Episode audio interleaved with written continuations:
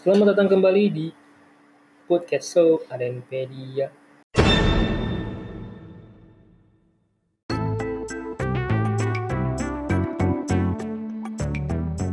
Welcome back masih di Adenpedia Podcast Show.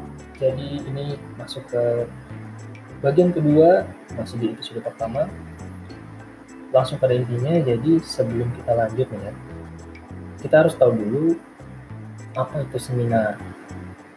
Jadi menurut saya bahasa sederhananya seminar itu adalah perkumpulan atau kegiatan yang di mana di dalamnya itu ada satu pembicara atau mentor dan orang-orang yang ingin mengetahui atau mempunyai masalah yang ingin diselesaikan.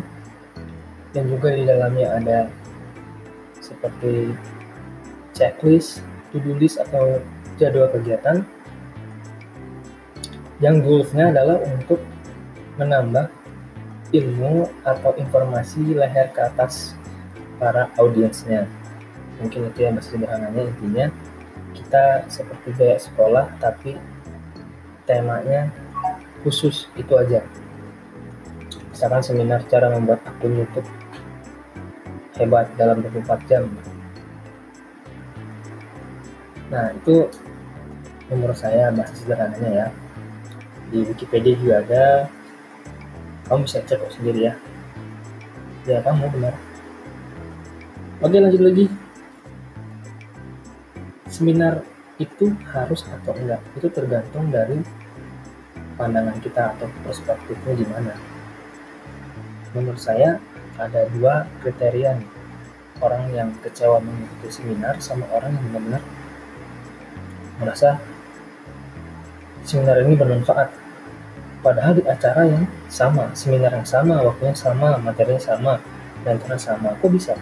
Jadi yang pertama ini orang pertama dia ngerasa ah ngapain ikutan seminar itu? Ternyata dalamnya gitu-gitu aja. Nah itu karena dia saat melihat uh, promosinya misalkan lihat di iklan di Facebook itu adalah bagaimana cara anda bisa menjadi youtuber cepat dalam 24 jam. Nah dia tertarik karena marketingnya. Padahal dia sudah memiliki channel YouTube hanya saja memang kurang penontonnya. Seperti itu. Makanya dia akhirnya memutuskan untuk ikut ke seminar tersebut. Nah setelah masuk ke seminar tersebut ternyata di dalamnya itu yang dibahas adalah pertama biasanya mindset fundamental. Jadi gimana caranya kita menjadi mental seorang youtuber. Ada juga cara bikin akun YouTube. Cara upload di YouTube. Cara pembuatan video dan deskripsi dan lain-lain.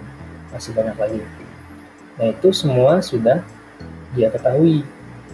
Yang akhirnya dia merasa kecewa sudah menginvestasikan sejumlah uang untuk mengikuti materi tersebut nah orang yang kedua merasa bahwa sebenarnya benar-benar bermanfaat dan daging semua isinya kenapa karena orang kedua ini adalah dia seorang pekerja atau sebut saja guru di pabrik yang benar-benar buta sekali dengan YouTube.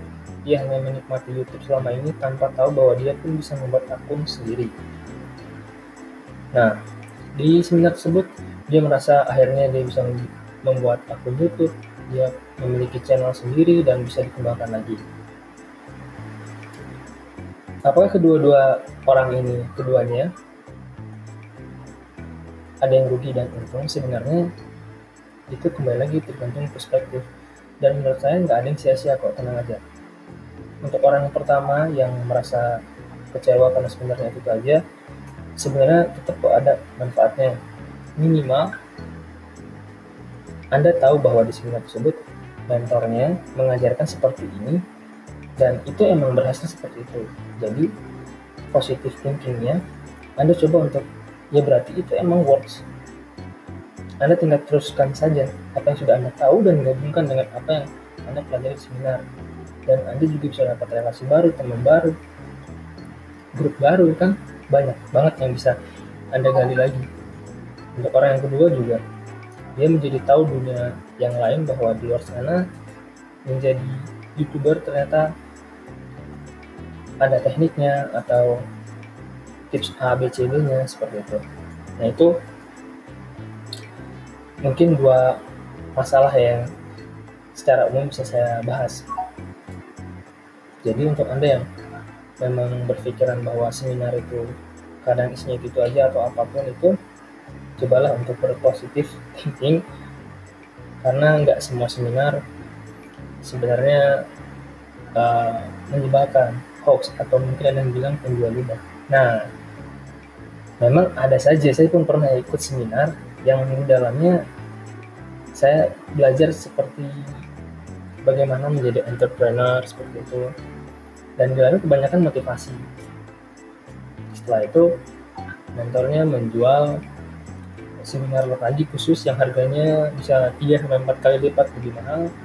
Dan saya nggak ikut dan mungkin saja materi sebenarnya di situ mungkin saja. Nah ada yang seperti itu.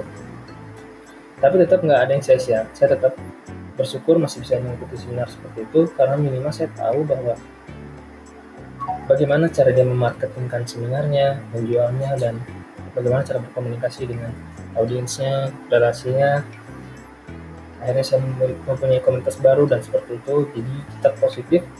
Yang nanti efek ke kitanya juga kita bersyukur dan nggak merasa uh, rugi sudah mengeluarkan uang sebegitu lumayan banyak. Jadi seperti itu. Coba anda mulai rubah perspektif karena itu yang sudah saya rasakan. Dan kalau saya sih biasanya setahun sekali itu ikut seminar lah. Jadi tambah-tambah ilmu layar ke atas. Tapi banyaknya saya baca buku atau melihat seminar via online. Nah ada juga yang namanya webinar. Jadi seminarnya online. Nah itu saya pernah ikut juga. Jadi kita ikut seminar tapi di rumah tinggal buka laptop dan langsung terkoneksi dengan mentornya. Itu lebih enak lagi. Jadi kita nggak perlu ke mana-mana cukup sediakan komputer atau laptop yang terkoneksi ke wifi atau internet. Nah, ini pembahasan yang untuk part kedua ya. Nanti di part ketiga, bagian ketiga, saya akan tutup pembahasan tentang episode seminar ini, yaitu beberapa tips untuk mengikuti seminar yang cocok untuk Anda, atau bagaimana Anda bisa memanfaatkan dengan maksimal saat Anda mengikuti seminar. Oke? Okay? Saya Adam Bedia, terima kasih banyak. Selamat malam.